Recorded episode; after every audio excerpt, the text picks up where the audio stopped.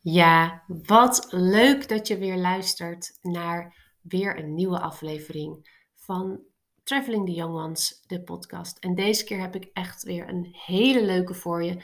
Ik ben namelijk in gesprek gegaan met Kim en Sebas Labrie van Our Orange Happiness.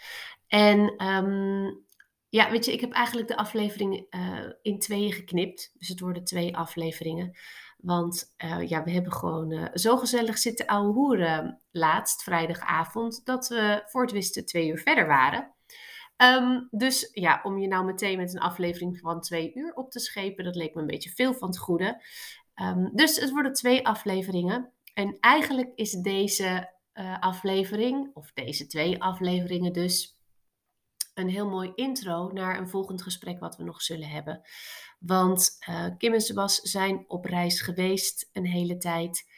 Uh, zijn op dit moment, uh, ja, hebben ze bijna een half jaar Spanje erop zitten. En dan gaat hun volgende reis van start, wat ze ook zullen combineren met hun werk. Um, en daar hebben we eigenlijk gewoon heel fijn over zitten praten. Over het ontstaan van hun plannen, hoe hun vorige reis geweest is. Uh, waarom ze dit graag weer willen gaan doen en nu langer. Wat ze hun zoontje graag mee willen geven. En ik verwacht dat het voor jou, zeker met reisplannen, als je die hebt, dat het echt een, uh, ja, een heel erg inspirerend, een heel erg inspirerend gesprek zal zijn. En dan zijn we dus nog niet eens toegekomen aan alle, ja, aan alle praktische zaken van hoe hebben zij het nou eigenlijk geregeld en gerealiseerd dat ze dit nu zo kunnen gaan doen.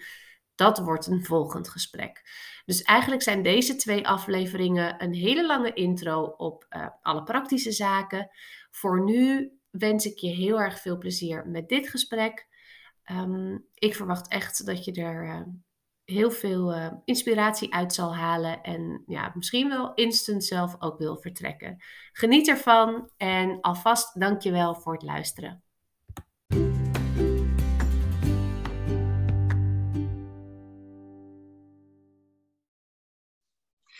Welkom Kim en Sebas in de podcast van Traveling the Young Ones. Dankjewel. Hm, hoi. Leuk om jullie in deze aflevering te hebben. Uh, we hebben elkaar uh, al met regelmaat gesproken in, uh, in het echte leven, via de app, via Instagram, nou, op allerlei verschillende manieren. en op een gegeven moment kwam um, eigenlijk langs van, hey, is het leuk om een podcastaflevering op te nemen? En met elkaar dus in gesprek te gaan over jullie, jullie verhaal en jullie plannen. En ik dacht, um, misschien is het wel leuk, want misschien dat niet alle luisteraars jullie verhaal kennen en jullie kennen, als jullie je uh, eerst even introduceren. Kim. Oh. Jij bent er beter. Wie eerst? Nou ja, ik zal het kort proberen te houden, want wij zijn inderdaad babbelboxen, dus we zullen elkaar in de gaten houden dat we niet te lang van stof zijn. Maar wij hebben uh, Uh, wij zijn nu twintig jaar samen en hebben ooit al vroeg in ons bestaan besloten, ooit willen we een keertje alles achter ons laten om op die manier een fris perspectief te krijgen en op een nieuwe manier een soort balans te maken over wat levensgeluk we kunnen bouwen, ja of nee. En toen wij in 2018 op een gegeven moment een camper hebben gekocht, die we zelf hebben omgebouwd, zijn we naar Zuid-Amerika gegaan. Daar wilden we twee jaar reizen, maar door bepaalde omstandigheden was dat maar een jaar. Maar toen hebben we wel ontdekt wat voor ongelooflijk veel vrijheid en uh, nieuwe inzichten, uh, prettige situaties om te groeien en te leren als mens. Gekoppeld aan al wat je je kleine mannetje, wat in de tijd was hij drie, Ziggy, onze zoon, wat we daaraan mee konden geven. Dat wij, toen wij dus niet twee jaar, maar een jaar maar konden gaan, besloten, dit willen we nog een keertje doen. Ja. En zodoende gaan we dus nu, zijn wij uh, in Spanje wonende, omdat onze kleine man hier nog dan een andere taal kan leren op een schooltje, staan we op het punt. We zitten nu uh, eind mei bijna. Op 1 juli gaan wij weer de komende jaren, we weten niet hoe lang, eigenlijk de wereld rondreizen. Om op die manier onze kleine man dus voor te bereiden op een mooie toekomst. Maar ook om datgene wat wij kunnen. En dat wij zijn contentmakers.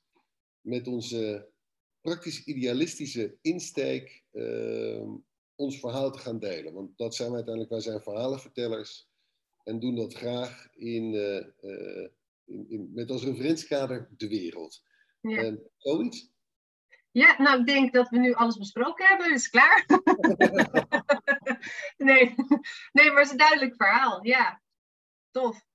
En weten jullie misschien nog uh, hoe wij eigenlijk toen ooit met elkaar in contact gekomen zijn? Kun je dat nog herinneren?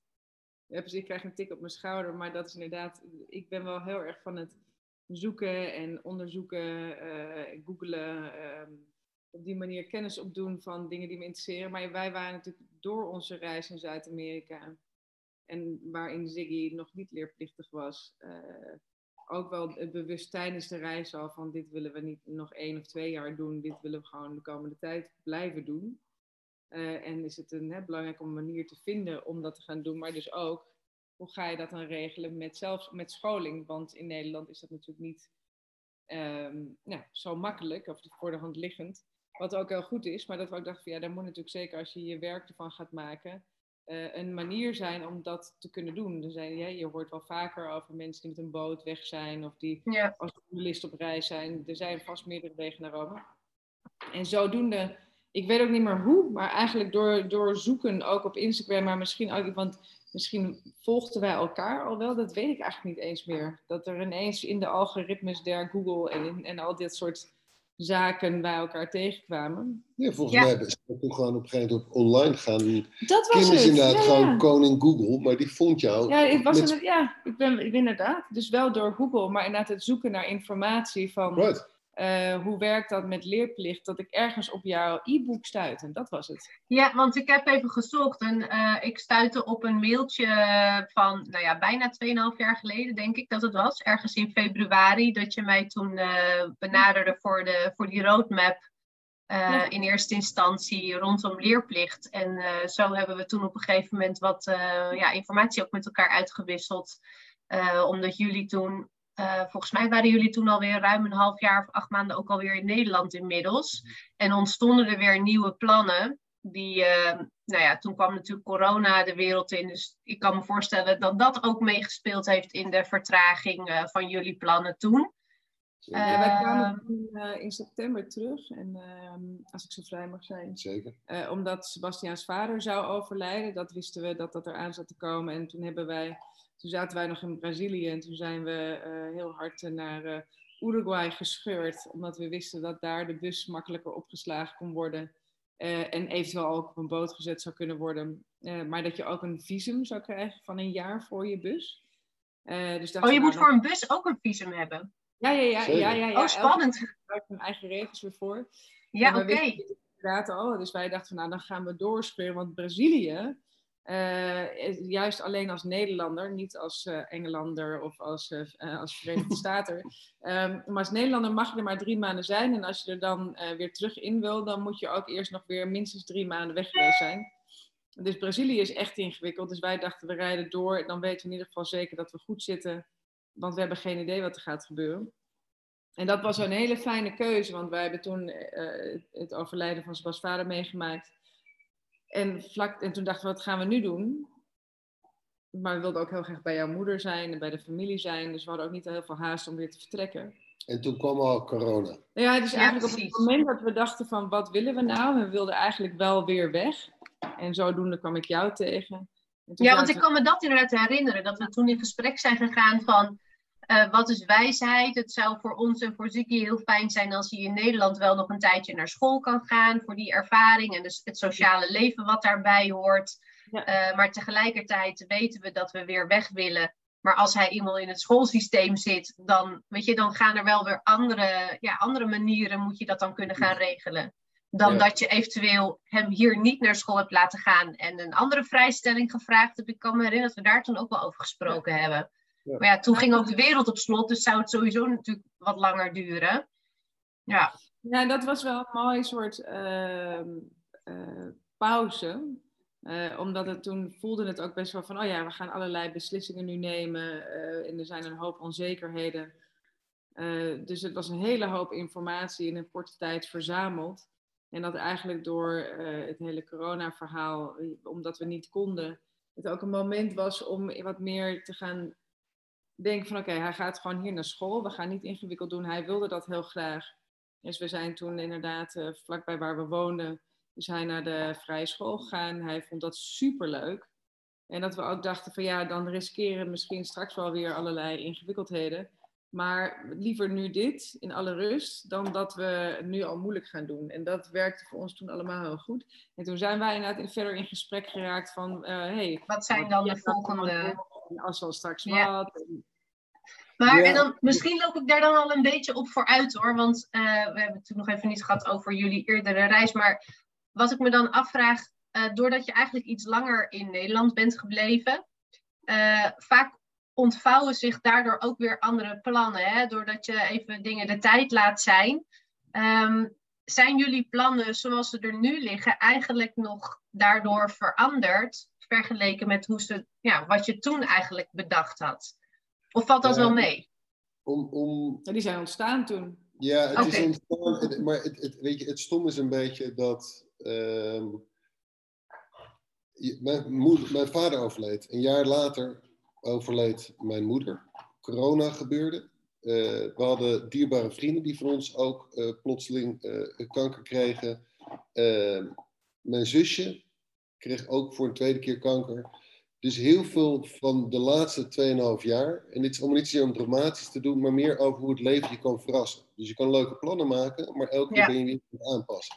En aangezien dit zeer binnen de dier... En een belangrijk ding, we wilden ons ook ons aanpassen. Omdat we ook voelden van, we willen niet weg wanneer dit speelt, toch? Nee, sorry. Dat, dat mogen daar... Ja, absoluut. Dus De, de, als het dan zo binnen dierbare kring, dan is het niet zo'n keuze. Dan wil je gewoon blijven bij de mensen en kijken hoe je ze kan ondersteunen en liefhebben en verzorgen.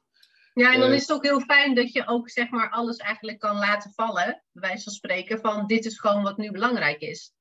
Nou, het was, ik, om het zelfs zo te gaan, het was uiteindelijk wel bijzonder, omdat wij in een soort hiatus kwamen, waarin wij dus eigenlijk in Nederland zijn in voorbereiding voordat we weer weggaan. En er werd plotseling bepaald, zo bam, dat duurt even twee jaar. Want er gebeurden allemaal dingen in persoonlijke kring. Corona was sowieso een klem op de deur. Dus eigenlijk zaten wij in een soort hele bijzondere fase, waarin we ook alle ruimte hadden om die liefde te geven en er te zijn, wat ongelooflijk fijn was. Daarnaast, natuurlijk, ons leven is gericht op reizen en wilden we dus heel graag, dus we sparden er heel veel over. Maar je kan je ook voorstellen hoe je dus dan weer instelt op iets, allemaal ideeën hebt, pardon, en je dat wil gaan doen en volgens gebeurde weer het volgende. Dus wij hebben ook 2,5 jaar gehad waarin we alsmaar ons idee konden aanscherpen, maar het ook weer vaak genoeg veranderde. Waardoor het een, uh, een, een, kwestie was van heel veel aanpassen. Maar ook uh, uitstellen en dus ook onrust. In, in, andere woorden, in het kort, dat was heel erg het leven. In ja. nutshell, waarin wij ons wilden aanpassen. Eén ding wat we heel duidelijk wisten, we gaan eens weer reizen. En dat gaf ons altijd heel veel energie, dat gaan we doen. En ondertussen werd het uitgesteld met hele goede redenen. En was dat dus nogmaals heel fijn om hier te zijn. En, en af en toe ook dat we er zeer onrustig van waren, eh, werden. Um, uh, punt. Punt.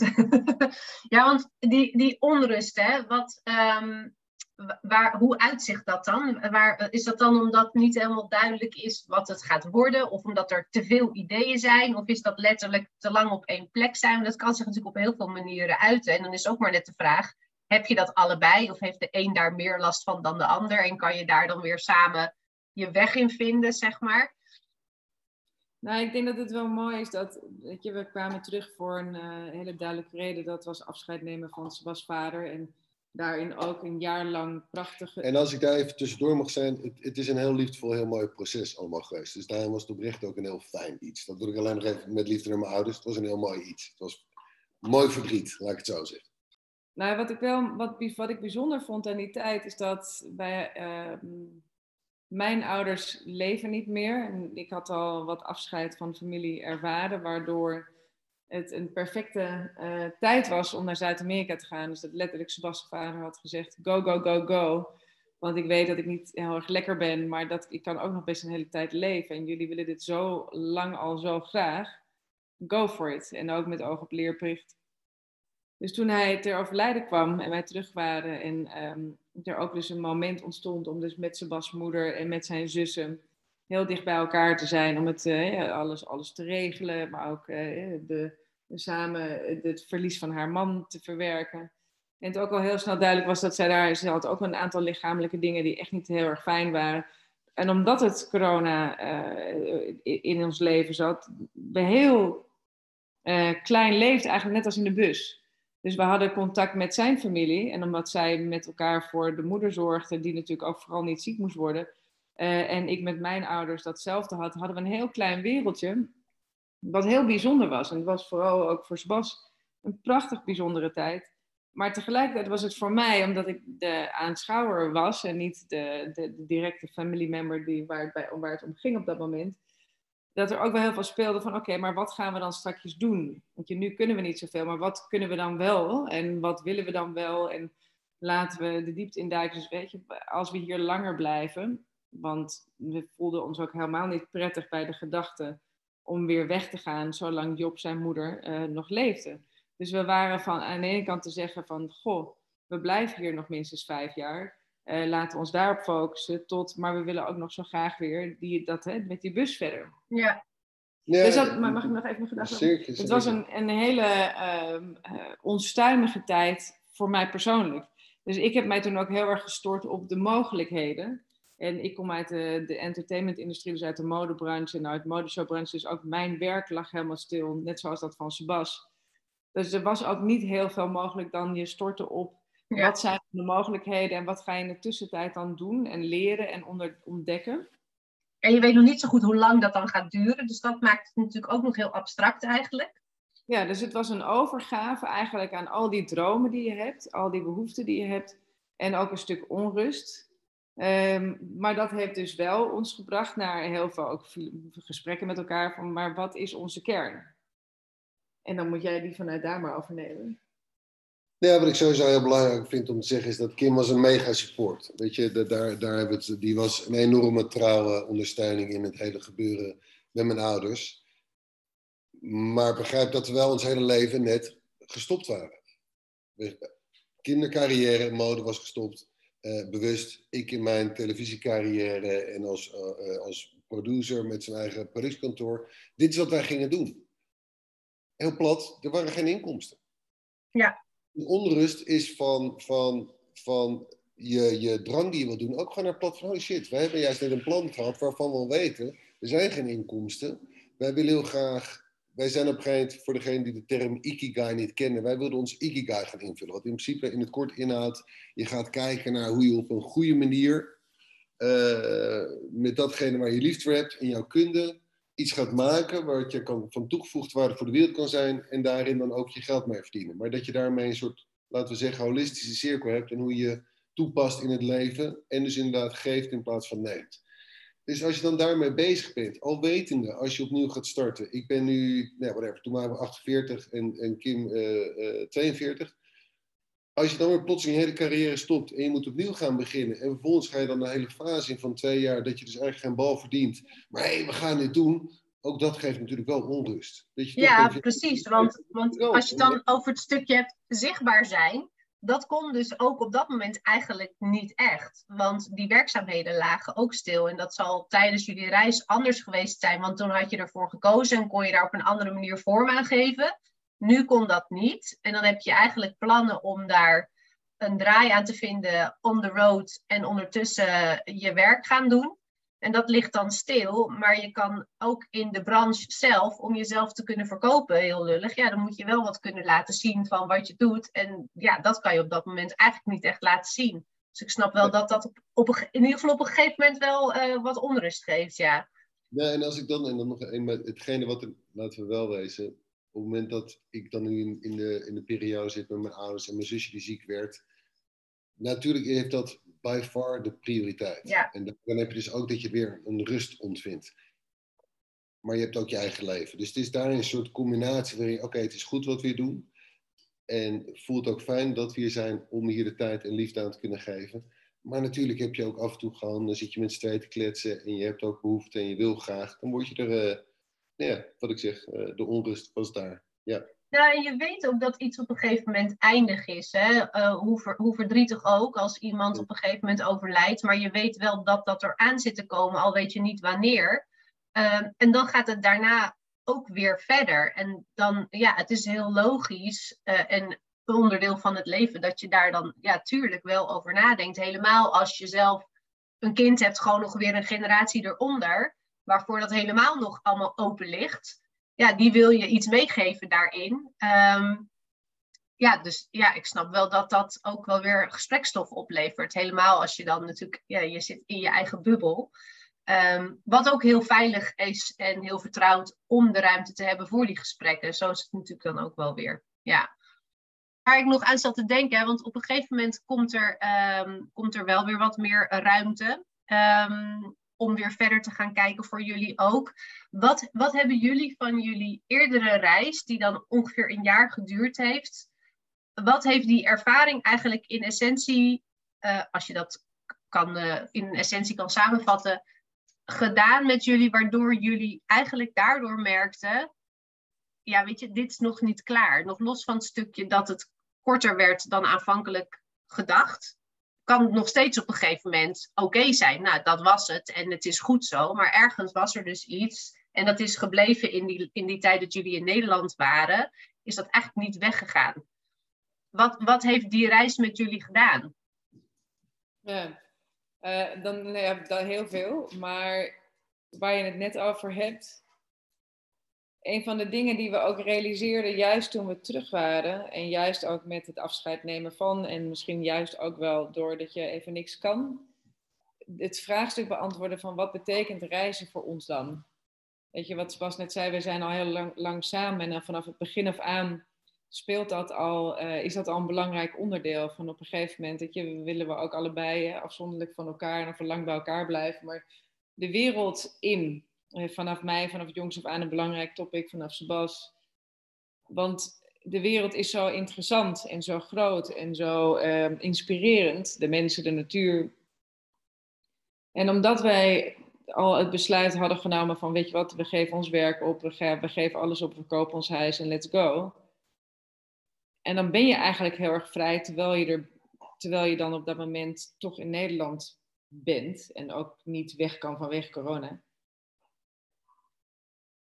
Dat we dachten van we moeten op twee banen tegelijkertijd zitten. Dus aan de ene kant de baan van wat ga je dan uh, aan je leven toevoegen? Stel dat je nog vijf jaar hier bent. Wat wil je dan qua woonplek? Wat wil je dan qua invulling, qua werk, qua enzovoort?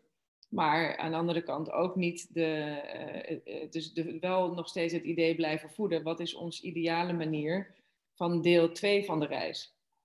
Wat hebben we geleerd uit Zuid-Amerika? Is dat de constante vernieuwing die plaatsvindt wanneer je uh, over de aarde beweegt, brengt de beste vorm van onszelf naar boven. Dan ben je natuurlijk met een kleine man, dus in dat huisje wonen op wielen, dat, dat is dan die veilige omgeving. Maar dat we merkten, we zijn eigenlijk pas net begonnen met het ontdekken van de mogelijkheden om dat wat langer te laten duren. Dus ook te onderzoeken, wat doet dat met ons als, als individu? Maar ook hoe kan je dus van zo'n bestaan waarin je, je wereldje zo klein wordt, omdat je je constant verplaatst bent. Nou ja, dit hoef ik niet uit te leggen. Maar de meeste mensen denken dat die dat wel snappen. Um, maar wat gaan wij dan toevoegen qua uh, wat, willen, wat kunnen wij? Nee, wat jij dus net ook allemaal vertelde, wat willen wij? Hoe kunnen wij een steentje bijdragen aan de wereld en hoe kunnen we een centje verdienen? Als je in de bus leeft, dan heb je heel weinig nodig. Als je geen huis hebt en je hebt verder weinig ja, vaste lasten, om het maar zo te zeggen, dan hoef je natuurlijk ook niet heel veel te verdienen. Dus dan is het makkelijker om je te focussen op van, wat kunnen we toevoegen? En hoe kunnen we het zo creëren dat je er ook hè, normaal van je levensbehoeften kan uh, voorzien? Mag ik iets aan toevoegen? Nou, ik wil één puntje maken, dan zeker. Dus dat in de tijd in Nederland heeft eigenlijk heel erg uh, gedraaid om hoe kunnen we dat dan doen? En wat is dan die essentie? En hoe kunnen we daar vorm aan geven? En dat was zeker in uh, hindsight, weet je, een geweldige tijd. En we hebben een nieuwe camera-equipment gekocht. We hebben heel veel gestudeerd, geleerd, gedaan. Maar vooral ook omdat we ontdekten in die tijd van dit is onze essentie, in ieder geval voor de komende tijd. En of je die nou in Nederland, in Europa of in de rest van de wereld gaat uh, vertalen, dat maakt eigenlijk niet zoveel uit. Want reizen is, nou, liefde is. Ja, ja precies. Nou, de, maar en precies wat inderdaad Kim zegt. En ik hoef er niet zoveel. Ja, in mijn. Wij kregen een enorm gevoel van in je kracht staan. Met, ja hele weinige dat je hebt. In een eigen wereld, in een eigen bus, die een huis op wielen is, die enorm veel vrijheid geeft. in een enorm harmonieus bestaan. We stonden echt in onze kracht, in alle kaalheid van weinig en simpel. En wij gedijen daar heel erg bij als mens.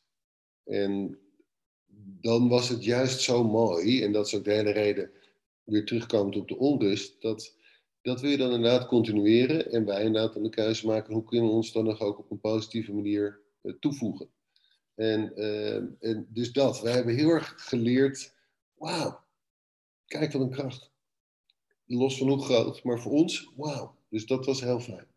En merkten jullie daarin uh, ook al zal Ziggy daar nog niet misschien uh, toen de woorden aan hebben kunnen geven, omdat hij gewoon die woorden nog niet had. Uh, maar dat je, zo, dat je dat ook aan hem merkte toen jullie onderweg waren, hoe hij zeg maar dat dan ervaren heeft. En als kind daar misschien ook, weet je, vaak zijn kinderen natuurlijk dan heel open en ontvankelijk.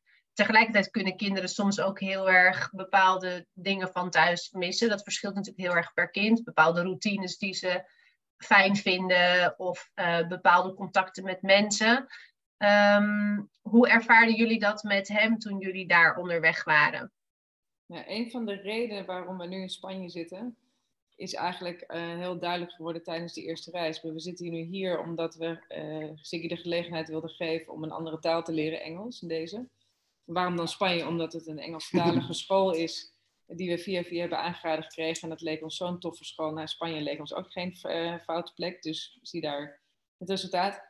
Um, omdat hij eigenlijk vanaf, weet je, als je kijkt naar de karakter van je kind, hij vanaf heel jongs af aan, van baby's af aan, al echt al zijn centjes gezet had op ik wil leren communiceren.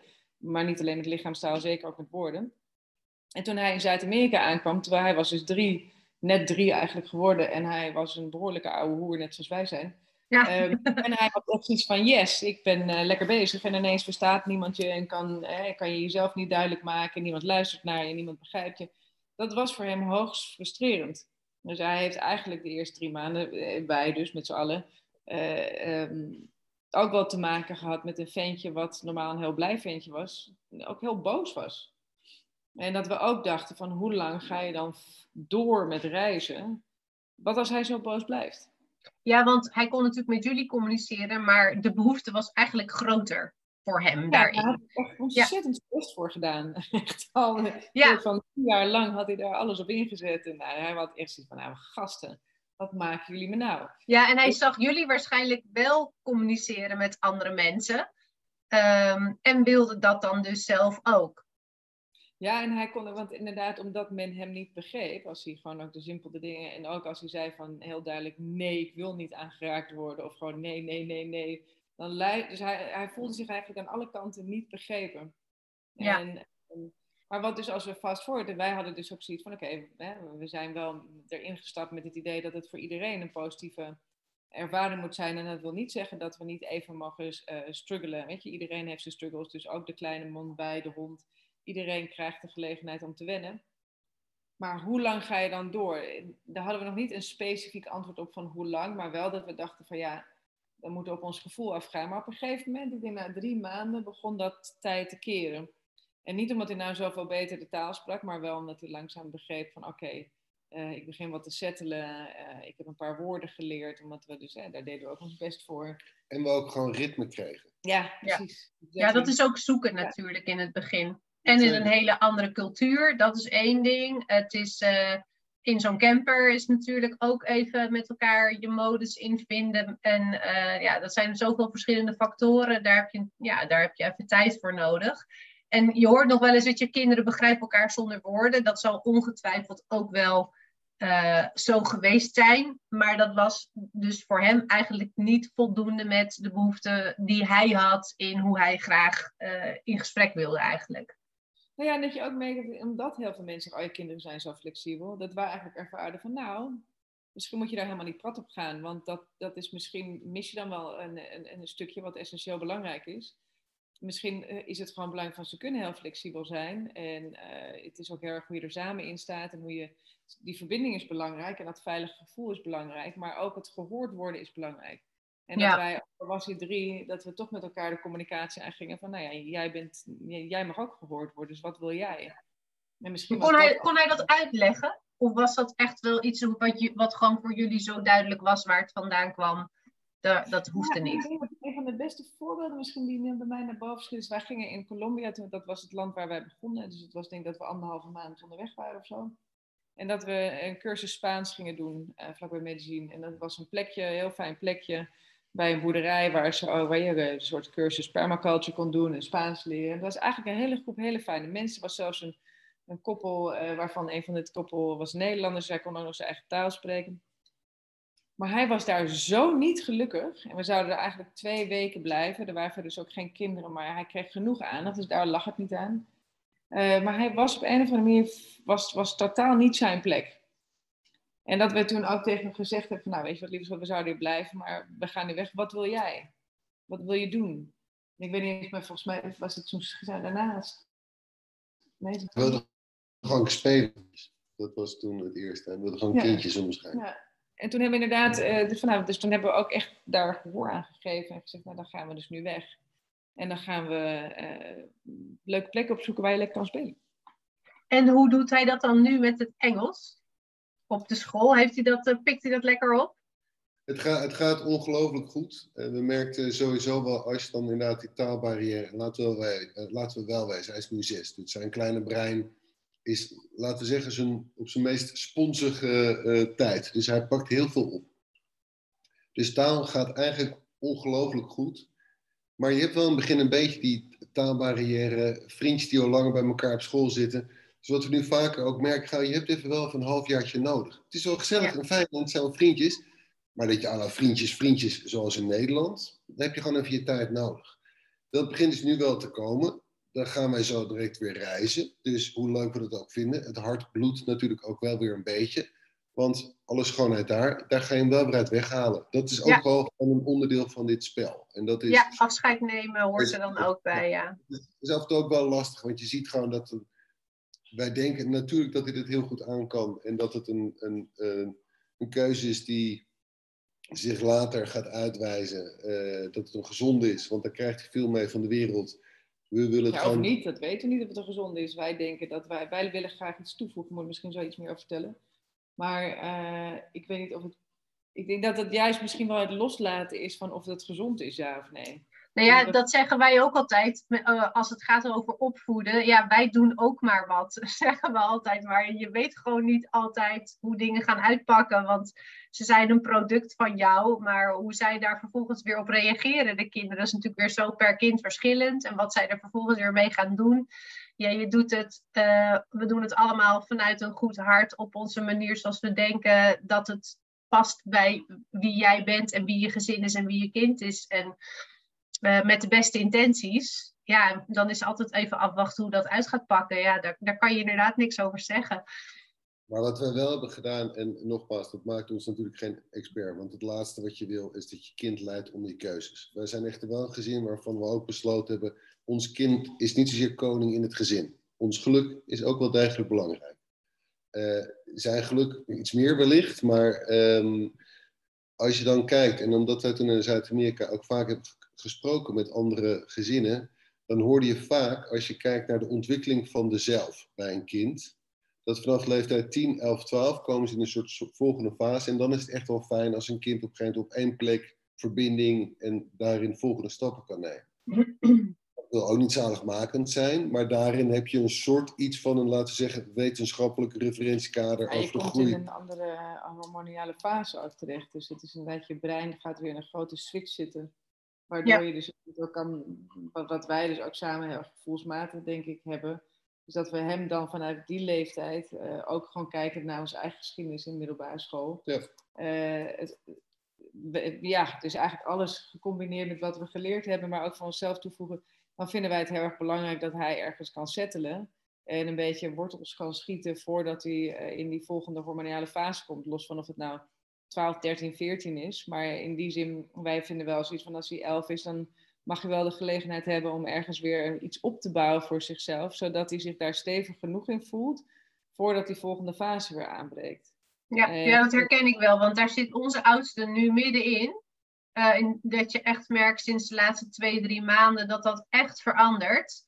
Uh, nog los van het feit dat vorig jaar natuurlijk in de brugklas een hoop dingen nog niet konden en niet mochten. Uh, dus daar vindt ook een bepaalde inhaalslag plaats. Uh, op het sociale vlak, dat kinderen gewoon weer lekker van alles mogen afspreken en dat er geen regels natuurlijk meer zijn qua maatregelen. Dus dat is ook een stukje, maar je merkt ook echt wel het, het stukje uh, een eigen mening daarin willen hebben en dat jouw mening meetelt. En niet dat dat daarvoor niet zo was, maar je merkt dat daar wel een, een andere, andere fase in ontstaat. Waarin je gehoord wil worden en aan de ene kant soms vindt dat je ouders, nou, dat je die niet meer nodig hebt en het andere moment juist weer wel. Ja, dat schiet alle kanten op. Um, dus ik herken wel wat je zegt, ja. Ja, sorry. Ik onderbrak je. Nee, maar dat, dat, ik snap heel goed dat je daar op die manier wel over nadenkt. Want wij zijn natuurlijk ook wel bezig met, hé, hey, we willen heel graag nog een keer op die manier langer onderweg zijn. En het is niet zo dat er nu gezegd wordt, ik wil niet mee. Zo is het ook niet. Het hangt soms een beetje van het moment af. Maar dat wel daarin duidelijk wordt van ja, het is heel leuk. Uh, hoe, hoe doe ik dat dan met de vrienden die ik hier heb? En ik weet wel dat ik heus op een andere plek ook weer contacten kan doen. Maar dat wel bijvoorbeeld dan belangrijker wordt. Van nou ja, als we dat dan gaan doen, dan wil ik ook invloed hebben op waar we dan heen gaan. Ja. Nou, dat snap ik. Dus het wordt dan op een hele andere manier nog meer een gezinsding. Waar wij de vorige keer gewoon zeg, zeiden, dit gaan we doen. En daar hebben we ze natuurlijk in meegenomen en in voorbereid. Maar wij bepaalden eigenlijk de route en de bestemmingen en, en het wanneer. En nu zal het ook veel meer in de voorbereidingen een gezinsproces worden. Dat ja, als wij met z'n tweeën graag willen dat we dat met z'n vieren kunnen doen. Met uh, twee pubers tegen die tijd. Waarin ze hopelijk nog steeds genoeg enthousiasme kunnen opbrengen daarvoor. Ehm, dan, ja, dan worden dat andere voorbereidingen. Dus ik snap wel um, dat je daarin zegt van ja, weet je, dat, dat gaat tegen die tijd natuurlijk wel meespelen. Ja. ja en, en ook, weet je, wat wij zo direct willen gaan doen als wij op 1 juli weggaan. Wij willen ook heel graag dus als contentmakers, wij vinden het ongelooflijk belangrijk om zo direct ons verhaal te gaan vertellen. Dan gaan we een serie maken en dan willen we het liefst per continent een tiendelige serie gaan maken van 25 minuten per aflevering. Waarin wij vooral het lichtje gaan schijnen op de goede kant van de mens. Als tegenhanger van alle shit die we meekrijgen over de destructieve kant van de mensen die de media je nu zo. Het is een indoctrine bijna zo, terwijl de mens ook prachtige dingen doet. Een onderdeel daarvan, van dat verhaal willen vertellen, is natuurlijk ook dat aan ons mannetje laten zien. Dat daar consequenties aan zitten dat het af en toe op zijn bordje ook rauzen vallen omdat hij weer weg wordt genomen, gaan we weer naar, naar een volgende plek. Gaan we natuurlijk ongelooflijk op letten. Stel dat hij lang ongelukkig is, dan gaat alles weer veranderen en dan gaan we terug en dan gaan we zorgen dat hij weer blij is. Maar we merken ook wel, nou ja, terug naar Nederland, whatever. Waar, waar ja, um, maar waar het, waar het een beetje om gaat is de, we maken ook een keuze. En er inderdaad van uitgaande wat je net zelf zegt, dat je nooit het zozeer goed kan doen, maar met de beste intenties en met er goed over nadenken, een keuze maakt om daarin vanuit goed, een goede hart, met liefde iets te blijven doen. Wij willen hem heel, heel graag de wereld laten zien. En als dat inhoudt dat hij nu op de jonge leeftijd wellicht sociaal wat offers moet maken, dan houden we dat heel erg goed in de gaten. Maar dan hoeft dat niet zozeer slecht te zijn, zodra we maar open blijven staan naar het kijken naar zijn signalen en, uh, en wij uiteindelijk in het verhaal wat wij willen delen, heel erg geloven. En er zit ook een enorme schoonheid in volledig committen, of hoe je het wil zeggen, voor iets gaan. En dat proberen zo veilig mogelijk in te bouwen. Heel plat gezegd. Zorg dat je genoeg centjes hebt. Dat als het niet goed gaat, dat je weer ergens naartoe terug kan. Maar dat we ook besloten hebben, nee, dit gaan we gewoon doen. Ballen op het blok, let's go. Werkt het niet, dan gaan we ons aanpassen. Maar we gaan er wel voor. En dat is inderdaad echt ook met samenspraak. Maar we vinden het ook heel erg mooi in wat we met het, ons willen gaan doen. Dat we ook de kans creëren om ook ons mannetje te zien. Dat we in een wereld leven waarin we allemaal culturele verschillen hebben. In allerlei rangen en standen qua uh, rijkdom van arm. Maar dat het ook heel fijn is om hem mee te geven dat we allemaal een onderdeel zijn van de wereld. En niet alleen nou ja, klein, strakker geregeld Nederland. Dank je wel voor het luisteren. Ik waardeer het echt enorm dat je elke keer de moeite neemt om te luisteren naar de podcast van Traveling the Young Ones. Je maakt me nog blijer als je een review achter wil laten op Spotify, zodat nog meer mensen deze podcast weten te vinden en ik zo nog meer gezinnen kan inspireren om ook die reis te gaan maken die ze zo graag willen maken. Ik hoop dat je de volgende keer weer luistert. Nogmaals, dank je wel.